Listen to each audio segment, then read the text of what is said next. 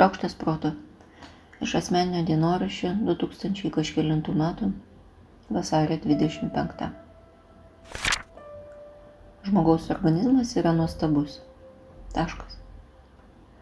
Tarp daugelio dalykų, kurie man kasdien rauna stogą, yra tai, kokiu įvairių ir kokių stiprių emocijų galime susigeneruoti kartais atrodo kad jos netelpa plešia iš vidaus yra nepakeliamos suskaldo į smulkiausius gabaliukus veržiasi ugnikalniais ir geizeriais.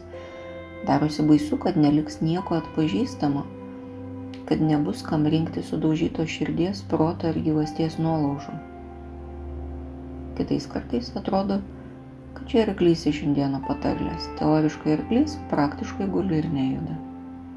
Norisi džiaugtis pykti norėti Bet ne, ten, kur visa tai turėtų liepsnoti, yra tuščia, ukanota ir tylu.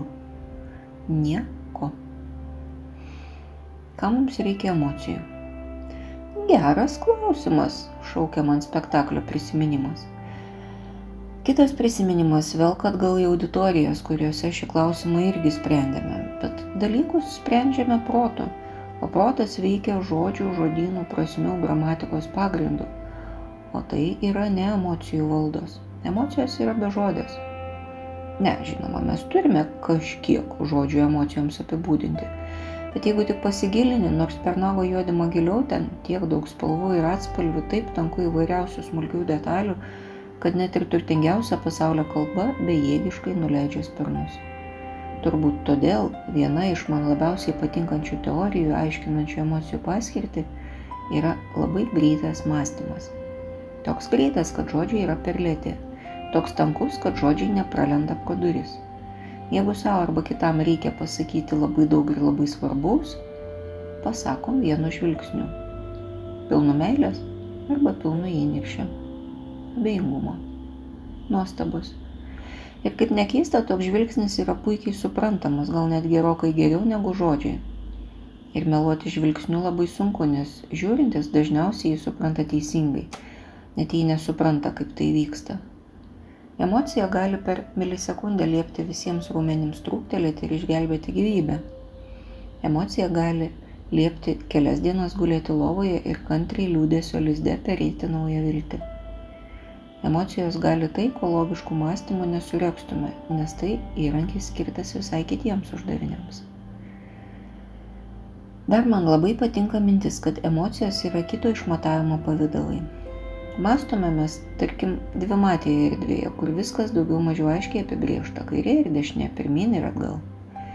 Šioje dvimatėje erdvėje suprantame kad kažkas egzistuoja ir trimatėje erdvėje. Meta šešėlius atrodo vienaip ir kitaip mainosi ir sukasi. Gal net bandome dvimačiais žodžiais tos pavydalus pagauti ir nupiešti. Bet neapleidžia nuojauta kad tai yra menkas tikrojo dalyko atspindys kuris į žodžius netelpa dažnai turim visokių ambicijų tarkim kontroliuoti emocijas kažko nejausti kažką jausti stipriau bet tiesą sakant panašiausiai čia yra į norą pažaboti vėją. Apynasrio čia niekam neuždėsi. Bet galima tapti išmaniu ir patyrusiu oreiviu kuris sklendžia išskleidęs burę jausdamas švelniausią pokytį oro tekmėje ar oreivis kontroliuoja vėją?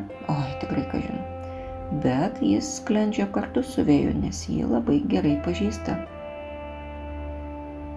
Ta pati nuojauta man sako, kad tai ir yra kelias pas emocijas ir su emocijomis.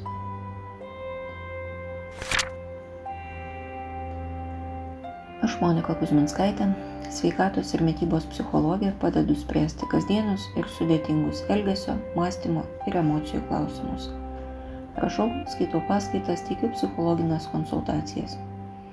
Mane rasit socialiniuose tinkluose vardu Šaukštas Proto. Rašykit man asmeninę žinutę ten arba elektroniniu paštu adresu šaukštas.proto atgmail.com. Taikos ir ramybės.